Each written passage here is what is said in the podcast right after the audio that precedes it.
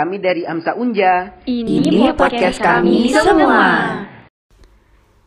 Uh, selamat malam semuanya, uh, balik lagi di podcast Amsa Unja bersama aku Hanina Fauzia atau biasa dipanggil Nina dan juga partner aku Faisal Afgan. Yeah, jadi uh, ini kita kan podcast pertama nih, ya Gan ya? Iya, podcast pertama yang Mungkin kita tidak bisa- tetap muka gitu.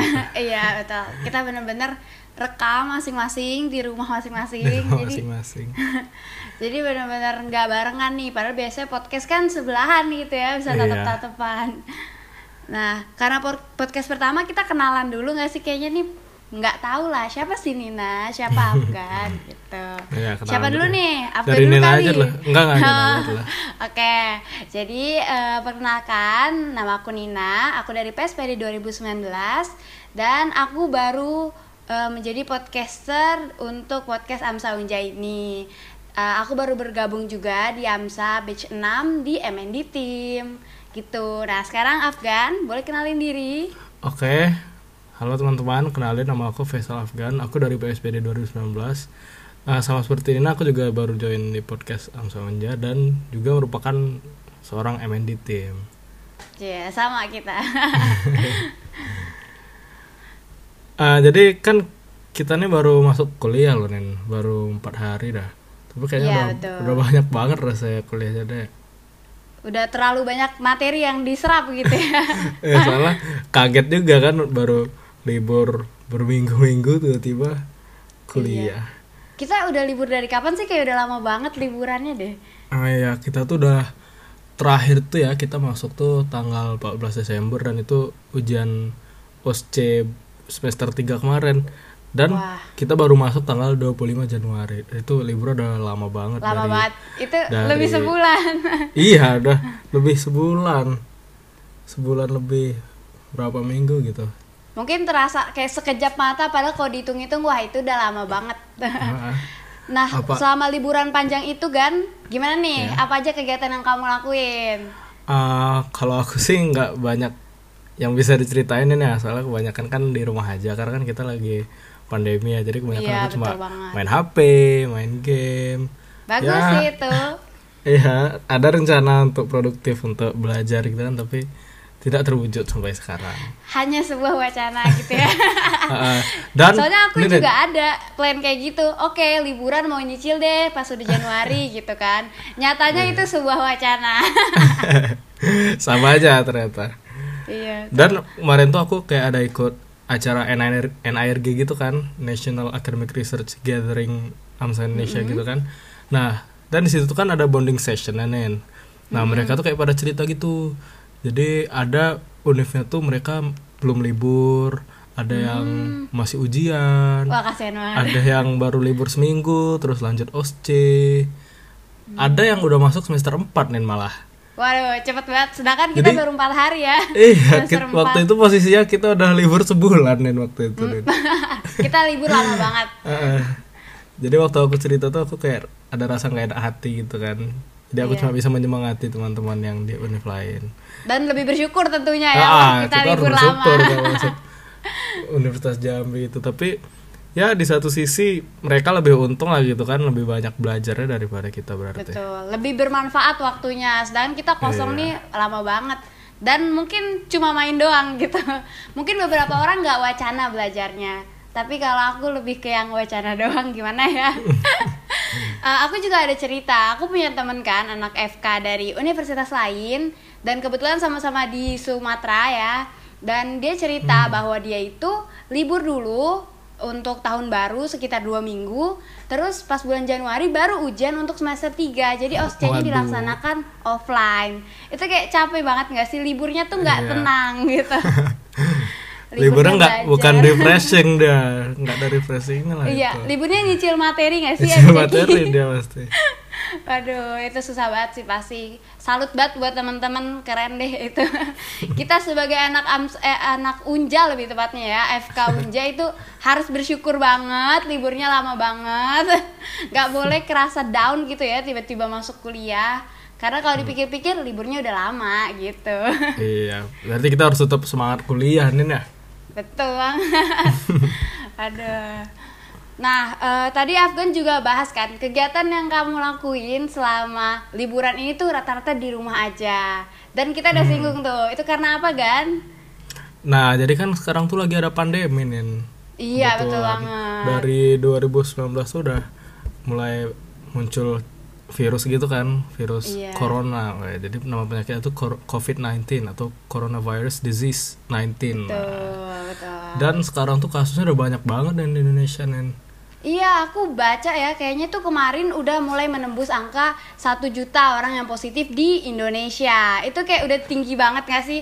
1 juta Iya. orang loh. Itu ya Allah, itu membuat kita harus lebih sadar, harus lebih menahan diri gak sih kan? Kayaknya Iya, coba di rumah aja deh teman-teman kalau bisa kecuali ada kepentingan yang mendesak gitu kan. Apalagi teman-teman yang tinggalnya di daerah DKI Jakarta nih. Soalnya kalau berdasarkan dari web covid19.go.id atau website resmi eh, Komite Penanganan COVID-19 di Indonesia, kalau yang paling tinggi Indonesia tuh eh, kasus COVID-nya berada di DKI Jakarta nih. Yaitu sekitar 256.416 orang atau 25% dari total kasus di Indonesia. Seperempat Gila. dari seperempat 1 juta. dari seluruh Indonesia Wah. itu ada di Jakarta kasusnya Nin. Wah bahaya banget, itu serem banget sih. Eh, dan itu pasti masih banyak nggak sih kan kayaknya pihak-pihak yang belum dilaporkan datanya gitu. Jadi Iya. nyatanya lebih banyak dari satu juta dong tentu saja. ya Ini kayak itu ya kita harus lebih hati-hati lagi gitu kan iya betul betul. Lagi kondisi kayak gini gitu kan. ya meskipun di Jambi tuh kalau di data sini ya Jambi tuh provinsi nomor 6 dari bawah nah berarti kayak Hmm. kasus yang dikit yang ada di Jambi nah eh, da- yang ada di Indonesia bukan berarti kita yang di Jambi tuh harus harus sans aja gitu kalau mau Iya, keluar betul. Tetap malah harusnya diri kita ya. harusnya kita lebih lebih hati-hati lagi karena kan emang kasus yang dilaporin kan sedikit jadi kan kita nggak tahu Gak ada yang tahu ya kan Iya. ya. Mungkin Jadi aja kita- banyak orang yang udah membawa eh, virus tersebut tapi nggak ada gejala atau semacamnya Hmm, gitu jadi kan. teman-teman yang di Jambi mohon untuk tetap jaga jarak, tetap di rumah dan kalau ada keperluan mau keluar tetap pakai masker ya. Betul. Lupa cuci Protokol tangan. kesehatan tetap dijalanin Jalani. ya kan. Tentu saja. Iya. Dan ini karena kondisinya kita udah online dari 2019 kan ya, udah 2000, belajarnya online. 2020 sih sebenarnya Den. Oh 2020 ya, Ah, oh iya bulan betul. Maret kayaknya. 2020 bulan Maret betul. Kita jadi semester 2-nya tuh nggak komplit ya. semester 2 kita kayak tiba-tiba online. Iya, semester 2 kita tuh dari tiga blok yang offline tuh cuma satu blok, duanya lagi Iya, udah betul. Iya, tapi blok- alhamdulillah ya kan ya, kita udah sempet ketemu satu sama lain nih. Kita udah kenal muka satu sama lain. Iya, iya. Aku lagi bayangin jadi maba yang belum pernah lihat muka teman-temannya secara langsung itu kan pasti susah banget ya. Tekanannya tuh lebih besar gitu. Apalagi kalau tiba-tiba mereka buka podcast. Waduh, makin bingung nih, nggak tahu muka Nah, untuk- partnernya lagi ngomong kayak gimana Untungnya ya. kita sebagai partner podcast sudah saling ketemu ya Den. Iya betul. Nah eh, sebelumnya juga kita mau bahas dulu nih. Kita nih hari ini podcastnya mau bahas yang kayak gimana sih Gan? Eh, jadi kita tuh udah dikasih tema nih Nin sama panitianya nih Nin. Wah apa tuh temanya? Tema kita tuh yaitu tips untuk menghadapi stres selama kuliah. Hmm, jadi menurut panitia podcast sih Afgan dan Nina nih kayak udah jago lah gitu untuk bahas-bahas mengatasi stres. Terima kasih atas pikiran baiknya gitu. Padahal belum tentu gitu juga kan. iya betul. Mungkin beberapa hal udah bisa kita tanganin, tapi yang lain juga masih banyak kok yang bikin stres. Iya, Kita masih berusaha untuk bisa menangani hal tersebut gitu ya. Kita sama-sama di sini berjuang. Teman-teman yang dengar juga mungkin kalau lagi ada rasa stres atau gimana bisa didengerin siapa tahu kita ngelawak-lawak imutnya bisa bikin bahagia. Oke, sebelum kita bahas tips nih Nen, kita bedah dulu nih temanya nih. Waduh. Stres. Kalau kalau ibarat tutor tuh ini namanya klarifikasi istilah. Wih. Wah, jagoan nih. Jadi stres tuh apa sih Din kira-kira nih? Jadi stres itu gimana ya? Kalau menurut aku ya ini aku juga ada baca-baca tapi ini aku simpulin menurut aku nih kalau menurut aku stres itu eh, adanya tekanan saat kita mengharapkan eh, sesuatu gitu ya kita berharap tapi realita atau kenyataannya itu tidak sesuai dengan harapan kita. Jadi tertekan gitu diri kita karena hal tersebut gitu ini aku udah pakai kata-kata yang bisa mudah diterima nih coba Afgan bisa dibikin lebih lebih singkat Iya, kalau aku dengar dari penjelasan Nina sih itu kayak nggak asing gitu. Kayaknya Hmm, sering gimana tuh? ketemu kata kalau kata orang tuh ekspektasi tidak sesuai dengan realita. Wih, Wah, ya. Nah, itu tuh, betul banget tuh. Nah, jadi kalau ekspektasi kita sudah terlalu tinggi sedangkan realitanya tidak sebagus itu, muncullah stres dalam diri kita. Mm, betul betul. Ya, Jadi gitulah tertekan gitu ya. Iya, nah, kita ngomong-ngomong soal stres sebelum kita bahas tips-tipsnya, nanya dulu nih Gan.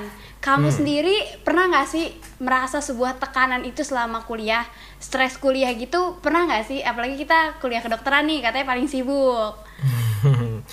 iya sih emang harus aku akui sih kuliah kedokteran tuh emang paling sibuk ya ya aku tuh paling stres tuh eh, awal-awal kuliah nih ya meskipun selama kuliah tuh adalah stres-stres dikit tiap mau ujian gitu kan Iya, betul, tiap betul. mau praktikum tuh ada stres gitu kan tapi yang paling kerasa banget aku tuh dulu waktu awal-awal kuliah waktu masih Berarti pas maba masih maba ya? Iya. Iya. Soalnya kan kalau awal-awal tuh kan kita berarti masih fresh banget baru lulus SMA gitu kan. Iya betul. Nah, kalau sesuai dengan eh, definisi stres tadi kan ekspektasi tidak sesuai realita. Nah, waktu awal-awal tuh aku ngiranya kuliah tuh kayak sama aja kayak SMA. Ya yang namanya dunia pendidikan ya kayak gitu-gitu aja lah kan kalau menurut Iya, aku. betul, betul. Karena udah 12 tahun sekolah ya gitu-gitu aja sistemnya gitu. Nah, Ternyata jadi- beda banget nih. Iya beda banget. Jadi aku tuh dulu pas SMA tuh belajar cuma pas mau ujian kayak malamnya besok mau ujian malamnya baru belajar. SKS ya sebutannya. Iya meskipun udah seminggu sebelumnya dikasih tahu bakal ada ujian, aku tetap main gitu. Jujur sama sih aku juga.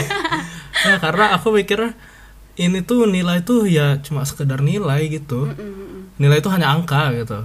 Iya. Yang mempengaruhi masa depan aku tuh hasil tes aku SBM nanti aku bakal lulus di mana gitu. Iya betul betul. Jadi yang Kalau penting tuh- yang penting tuh SBM ilmunya ya. gitu. Iya. Ah, ah. Jadi kan ya bisa nanti aja lah kayaknya. Lagian kan gampang lah gitu kan, cuma belajar gitu-gitu doang. Widih. Hmm. Tapi nyatanya aku juga mikir gitu dulu. Pas SMA aku juga tipe yang belajar kalau mau ujian doang gitu. Jadi nggak ada tuh nyicil-nyicil ujian. Nah, lagian dulu kan pas SMA kan ujian paling ulangan harian gitu kan, Betul. ujian semester. Dan itu tuh ya berapa minggu sekali lah gitu kan. Nah, nih waktu masuk kuliah kedokteran nih, kaget langsung. Setiap hari praktikum dah, pretest, post test. Yang biasanya kalau SMA kan kita ngerti konsep nanti misal dikasih soal-soal apa yang untuk jabar lain, bisa hmm. lah gitu kan. Ya betul betul. Yang Kita- penting dasarnya kalau Iya, SMA ya. bisa improvisasi kalau dulu SMA gitu kan kalau kuliahnya udah nggak bisa lagi nih untuk kuliah ini kita tuh benar-benar harus membaca apalagi kalau kuliah kedokteran kan kan banyak istilah-istilah asing gitu kan yang sekali baca aja belum tentu ingat gitu Betul. ya kalau bagi orang-orang superior ya emang jago lah kalau kayak gitu kan tapi Iya. kalau orang-orang inferior kayak aku gini kan nggak bisa sekali baca aja langsung ingat Ya, apalagi ya kita dulu pas maba kan kaget ya tiba-tiba praktikumnya tuh anatomi, besoknya histologi, anatomi Iya. lagi gitu kayak capek banget dan hafalannya banyak banget kan dulu.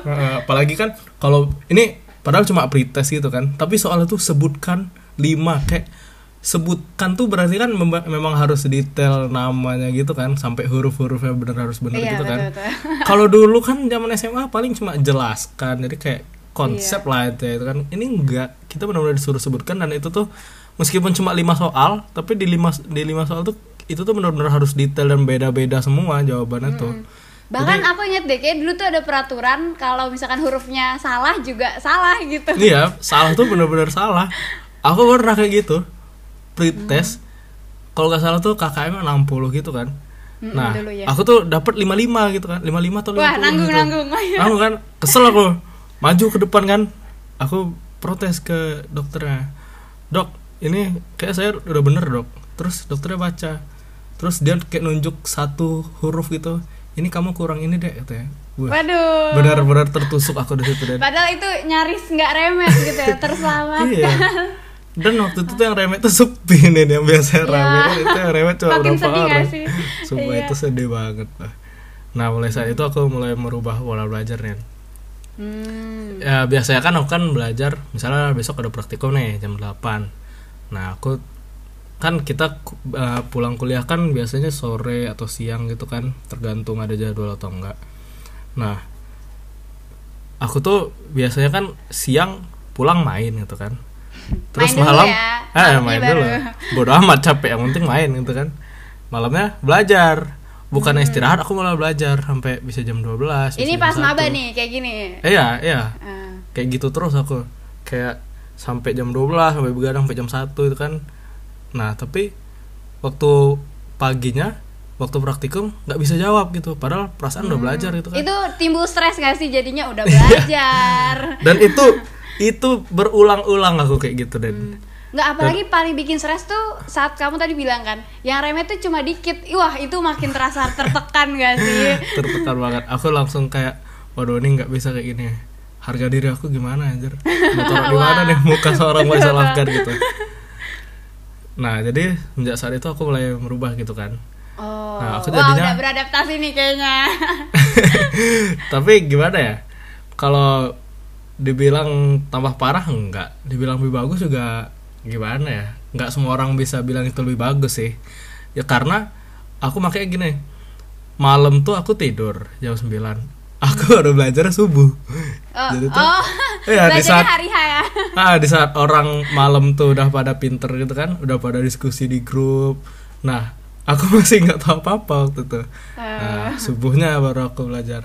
Karena emang waktu malam tuh nggak bisa fokus nih yang pertama tuh karena capek. Yang kedua tuh ya karena spam grup gitu kan jadi tuh nggak Iya, benar, benar, fokus. benar. jadi tuh kayak pengen baca aja terus di grup nih apa jangan sampai ketinggalan gitu kan. Nah tapi kalau kita paksa untuk tidur malam itu dan baca grupnya nanti aja setelah belajar Lebih Nah, tenang. Kita, ya lebih tenang, bisa menyesuaikan. Dan aku tuh tipenya orang yang bisa belajar di bawah tekanan. Hmm, Jadi- makanya nih hari H banget. Iya, karena hari hawa kan. Aku sering kayak gitu tuh. Jadi eh, bangun misalnya jam setengah empat bangun, terus belajar, sholat subuh, terus belajar lagi, terus sarapan, berangkat ke kampus. Aku Aku duluan tahu, berangkat. tahu. Kamu di kampus langsung baru baca-baca lagi kan. Tapi baca-bacanya bukan di di kampus ya, aku di parkiran Di dulu kan. mobil. Iya, di mobil. Jadi aku selalu kalau di parkiran tuh mobil aku duluan gitu kan. Sampai aku turun waktu mobilnya udah rame. Itu aku ngehafal dulu gitu. Ngulangin buat- hafalan gitu. Mungkin kalau ada yang denger di angkatan 2020 mereka nggak tahu ya, tapi kita tuh dulu kan belajarnya di ruang skills lab. Nah, ruang skills lab itu kita harus balap-balapan biar dapat tempat duduk terdepan. nah, jadi aku sama anak kosan aku kayak ada kirim satu orang setiap pagi buat datang ke skills lab dan ngetap tempat gitu kan. Pakai Terus jam- utusan gitu ya? Iya. Terus setiap jam 6 tuh kita udah ada tuh yang mau pergi kan ke kampus dan dia bilang, "Eh, udah ada mobil Afgan loh." gitu kayak, "Wah, ngapain?" itu Ternyata lagi ngapal di mobil. Aduh, kan ketawa. Ya, apalagi kalau teman-teman yang bawa mobil pasti udah tahu lah gitu kan. Ini pasti ada Afgan sini ya. Pasti dia parkir di bawah pohon biar teduh gitu. kan. Iya betul. Kita sa- selalu rebutan tuh kayaknya ya yang bawa mobil untuk parkir di situ. Eh, Ya, rebutan dah. Parkir rebutan, tempat duduk juga rebutan buat duduk depan. Itu tadi cara belajar Afgan tuh katanya dia lebih enak kalau subuh gitu ya masih fresh. Iya, Aku kalau- juga dulu tipe yang kayak gitu tuh. Terus enak ya eh, sisi positifnya mungkin kalau muslim bisa sholat tahajud dulu gitu. Widih. Jadi selain ikhtiar Cia, kita juga bisa mendekatkan diri kepada Tuhan Allah. Hadirah Fauzia. Betul banget. Tapi ada juga loh kan orang yang malah nggak bisa kayak gitu. Eh, Memang cara belajar orang beda-beda gitu ya. Iya, iya. Dan kita dulu pernah belajar gak sih kayaknya Nah, tentang cara, cara belajar. belajar. Iya. Jadi nyambung lagi deh, sebagai- nyambung lagi deh. Iya betul betul. Sebagai maba kita diajarin karena tahu banget pasti dari SMA ke kuliah tuh kaget banget tiba-tiba kayak belajar kedokteran dengan segala istilah-istilah medisnya gitu kan. Jadi Hmm. kayak dikasih tahu tentang penyuluhan-penyuluhan gimana sih cara belajar yang pas sesuai kepribadian diri gitu kan. Dan waktu Hmm. itu seingat aku ada apa ya ada audio Auditorik. oh, auditori visual, Visual, kinestetik. kinestetik Ya cuma tiga, iya. cuma tiga. Aku udah iya dan aku waktu itu kinestetik kalau kamu apa gan Aku auditorik deh. Kayaknya kita beneran Oh. nggak cocok deh. Oh gitu ya, mohon maaf nih. aku cerita dulu ya. Kalau aku dulu tuh kan kinestetik, jadi aku maba stres banget belajar sama kayak Afgan. Aku juga kaget karena dulu belajar kalau mau ujian doang kan. Tiba-tiba ini kayak setiap hari kok rasanya seperti ujian gitu. Ada pretest, post test gitu kan. Terus uh, tiba-tiba ada tutorial lah 1.3 gitu kan kaget. Uh, jadinya uh, aku cari cara belajar yang pas untuk aku dan aku seorang kinestetik jadi aku tuh kalau belajar bakal komat kamit layaknya sebuah MC gitu. Jadi otot ini berada di bagian sini gitu. Aku sambil jalan-jalan natep ekspresi diri aku di kaca. Narsis ya. Ya itulah aku. Bahkan sampai kan dulu aku ngekos ya Gan ya. Iya. terus di sebelah aku tuh ada teman aku keberisikan gitu dengan aku. Aku terlalu berisik tapi alhamdulillah cara itu ampuh biarpun mohon maaf temen kosanku terganggu Tuh bocah pasti auditorik tuh.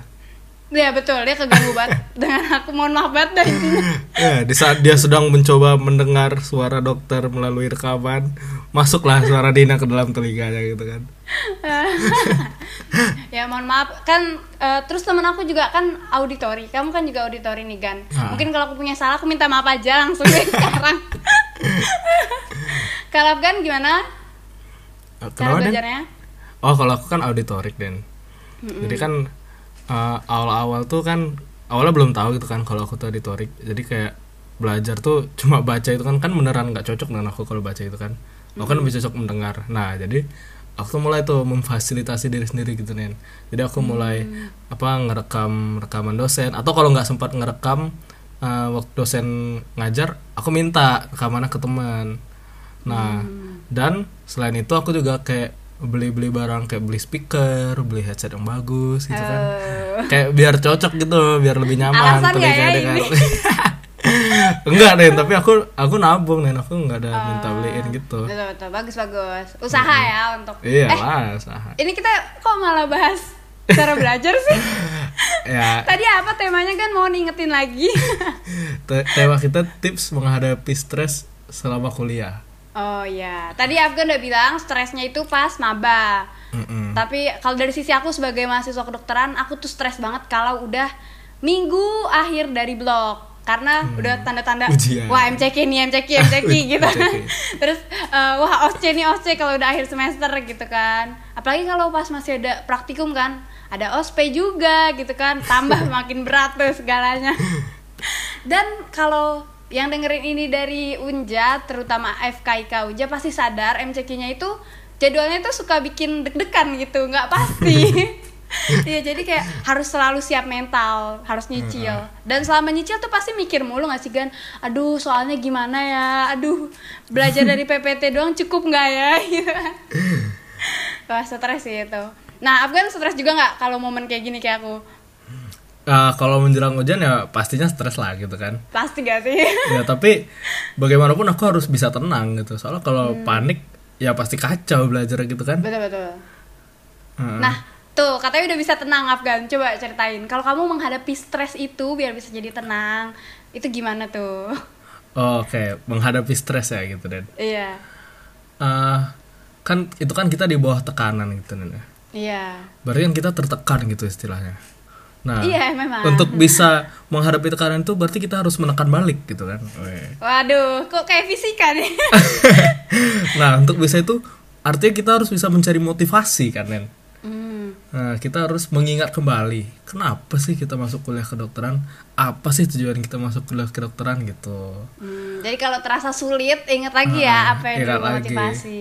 Nah, kembali ke rumah lah gitu istilahnya Hmm, nah bagus jadi kalau aku tuh dulu motivasinya tuh eh, biar bisa menjadi dokter karena aku tuh anak bungsu nen aku cerita dulu deh aku Hmm, terus? tuh anak bungsu aku tuh dua bersaudara gitu kan Oke. nah dan orang tua aku tuh ibu aku tuh dokter gitu kan Hmm, jadi kayak benar-benar berharap anak ini ada yang dokter lah gitu Oke. Nah. Terus gimana tuh? terus karena aku anak bungsu jadi yang duluan menentukan pilihan tuh kan bukan aku kan Berarti tentu yang kamu lebih tua kamu? iya nah dan dia tidak memilih kedokteran Kedokteran. Waduh. Yang Berarti harapan awalnya- di kamu. Iya, yang awalnya harapan itu 50-50 di kayak berdua menjadi 100% di seorang Faisal Afgan. Nah, Gak bisa diganggu gugat.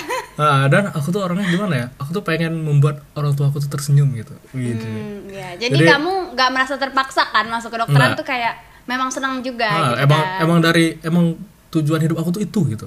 Iya, bagus bagus bagus.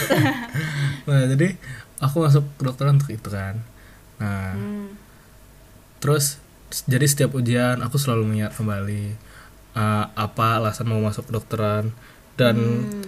dan bagaimana pengorbanan pengorbanan orang tua kita tuh untuk kita bisa masuk kuliah kedokteran gitu. Nah, iya betul Karena banget, betul banget. iya emang kuliah kedokteran ini nggak murah gitu bisa Ya, dibilangnya. ak- kayak semua pasti tahu nggak sih kedokteran tuh Ah, suka ah. dibilang biayanya paling cukup besar gitu kan. Terus studinya tuh nggak bentar kan. Kita lumayan lama studinya dibanding program studi lain gitu kan. Jadi memang itu bisa dijadikan motivasi juga sih mungkin bagi beberapa orang ingat betapa orang tua udah berjuang gitu kan. Atau bukan orang tua mungkin bisa juga wali atau siapa yang menafkahi gitu kan. Iya. Itu bisa jadi pengingat banget sih buat selalu bertahan gitu, berjuang lagi, berjuang lagi.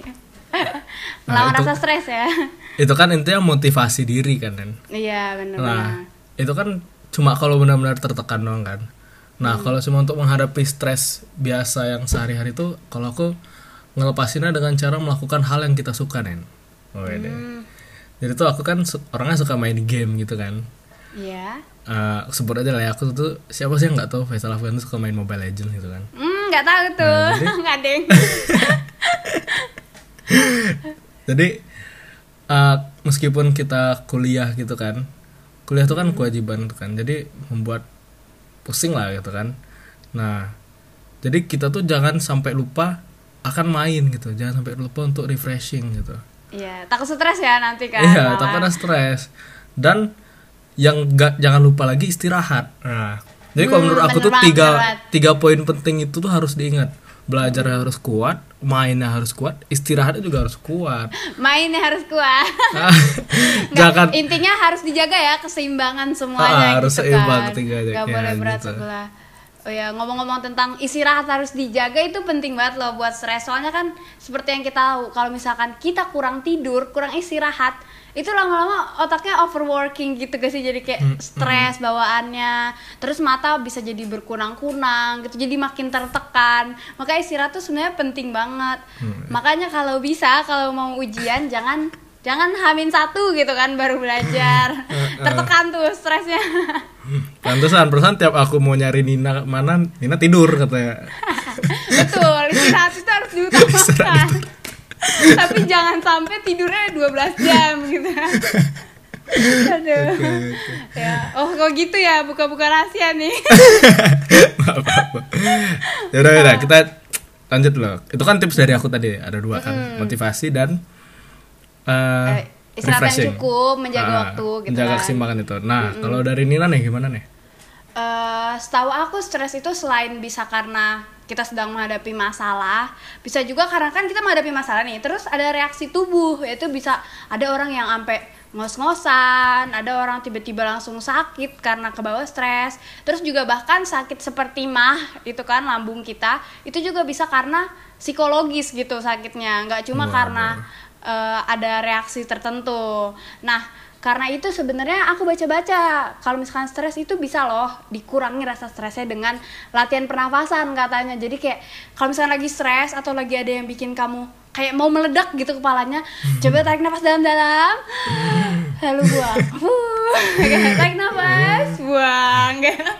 Jadi kayak itu bisa membantu menenangkan. Mungkin nggak sampai menyelesaikan rasa stresnya, tapi setidaknya misalnya tadinya stresnya sampai 100 gitu ya, bisa diturunin gitu, lebih lega dikit, bisa berpikir dengan kepala dingin gitu. Jangan sampai karena stres gitu kan kita langsung eh, mengambil keputusan dipenuhi rasa emosi gitu kan. nggak boleh tuh kayak gitu. berarti itu itu juga, bisa dipakai misalnya nih teman-teman kan kadang suka curhat nih ke kita nih lagi stres lagi Oh. apa kan kadang ada teman-teman tuh yang kayak ih kamu jangan stres. Ah, kayak gitu doang kan cerita Iya, apa memberi solusi. Berarti bisa dong kita bilang tenang dulu kamu tarik Iya, nafas bener-bener. buat Benar, soalnya katanya tuh kalau menghadapi sebuah masalah, orang tuh ada beberapa fase gitu kan, ada fase penolakan, terus Hmm. fase mulai menerima kenyataan, gitu, terus baru move on gitu kan. Wih, Nah, kalau bisa tuh kita coba dengerin dulu teman kita ngomong. Kalau misalkan lagi call ya kan kerasa tuh kalau orang ceritanya menggebu-gebu kayak aku. aku kalau cerita ke orang tuh menggebu-gebu. Nah, mungkin bisa kalau kamu teman aku yang suka aku ceritain kayak Afgan itu mungkin bisa bilang ke aku Nina tarik nafas dulu yang dalam buang gitu. nanti Rina pasti tarik nafasnya ya wheezing dong gitu waduh ya ya gitu deh intinya itu bisa membantu terus tadi udah Afgan bilang juga tips kedua dari aku kita Nah, harus bisa tuh? mengeluarkan unek-unek kita ya Oke, curhat Kalau- intinya kalau aku tuh ngelarin unek-unek banyak caranya. Pertama kita lihat dulu situasinya. Topik yang membuat kita stres tuh apa? Apakah ini privasi banget nggak boleh diumbar ke orang gitu kan? Kita nggak ada nih teman untuk cerita hal seperti ini misalkan tentang keluarga gitu kan yang membuat stres. Itu kan mungkin terlalu personal ya untuk dibagi bagi Ah. beberapa orang gitu. Bahaya jadi. Iya, jadi aku kalau ada masalah yang kayak gitu yang nggak bisa dibagi, aku keluarinnya dengan diri aku sendiri. Gimana? Aku bernyanyi, cie. jadi aku bakal nyanyi sepuas-puasnya teriak-teriak, terhanyut dalam emosi. aku tipe yang kayak gitu. Terus habis itu agak lega sih gitu. Karena aku nih kebetulan juga ya, aku ekstrovert. Jadi kalau ada rasa sesuatu tuh pengen langsung dibagi ke seluruh dunia gitu. Iya, jadi kalau lagi tertekan semua orang harus tahu aku tertekan. Ayo tolong tenangin. ya semacam itu. Nah, itu tadi yang pertama. Kalau topiknya yang sensitif gitu kan kan. Kamu juga pernah nggak sih stres nyanyi-nyanyi apa aku doang nih? enggak kamu doang Nen. Oh masa sih? Enggak dong Coba yang denger kalau misalkan ngerasain kayak aku juga gimana gitu cerita ke aku biar aku nggak merasa sendiri tulis di kolom komentar gitu kan kalau kata youtuber. Aduh. Nah, terus kalau misalkan topiknya bisa dibagi gitu ya. Kita cerita ke orang lain. Mungkin eh, ada orang yang responnya cuma iya-iya aja. Tapi memang orang tersebut cuma mengharapkan didengar jadi cuma iya iya juga nggak apa-apa. Jadi kayak kita cerita panjang yang penting ada yang baca gitu nggak mengharapkan saran. Tapi ada juga orang yang cerita mengharapkan saran gitu kan. Tapi sebenarnya dengan bercerita tuh melegakan gak sih? Kayak nggak tertekan sendiri gitu. Jadi iya sih kalau bisa dikeluarkan unek-uneknya. Atau kalau misalnya nggak ada teman yang cukup terpercaya mungkin cerita ke sebuah blog yang anonymous gitu kan biar keluar aja gitu unek-uneknya ya Random semacam banget itu itu. nah gimana Tapi nih Gan kalau aku sih Din, kan yang pertama tadi kan yang kau bilang nggak bisa ceritain kan. iya Kan kalau Dina kan bernyanyi gitu kan. iya Kalau aku tuh kamu? beda Nen. Oh, kamu Kalau aku tuh nih? kita berserah diri kepada Allah. Oh, ya betul betul Eh, tapi benar sih kan pasti eh, kita juga sebagai orang Indonesia ya kita kan menganut Pancasila sila pertama gitu kan ketuhanan yang maha esa jadi kita pasti kalau menghadapi kesulitan kita punya Tuhan kita gitu kan bisa lah tuh ya Mm, ibadahnya juga Wah, harus bagus kuat, banget Den. ini ilmu jangan yang asal, didapat. Jangan asal stres-stres aja gitu. Kita tuh iya betul punya Tuhan gitu. Mm-mm. Oke. Ini kayaknya Oh, udah cukup nggak sih Nen kita bahas tips-tips Nen? lumayan sih tips yang kita bahas ini udah udah cukup atau masih kurang nih kayaknya? Eh kan tahu nggak sih kita tuh lupa satu hal penting kalau lagi stres tuh harus ngapain? Apalagi itu Nen? kita liburan. Liburan tuh sebenarnya apa ya hal paling pokok untuk menghadapi stres gak sih? Apalagi karena kuliah. Rasanya mumet banget kuliah terus kan. Jadi enak sih liburan tapi kondisi kita sedang seperti apa Afgan Sedang pandemi. sedang pandemi gitu kan gak Hmm, boleh ya jadi keluar keluar harus liburan cuma senang-senang tanpa alasan yang cukup baik gitu ya Kalau aku liburannya cukup di Netflix aja sih. Nah, itu juga liburan orang-orang kan beda.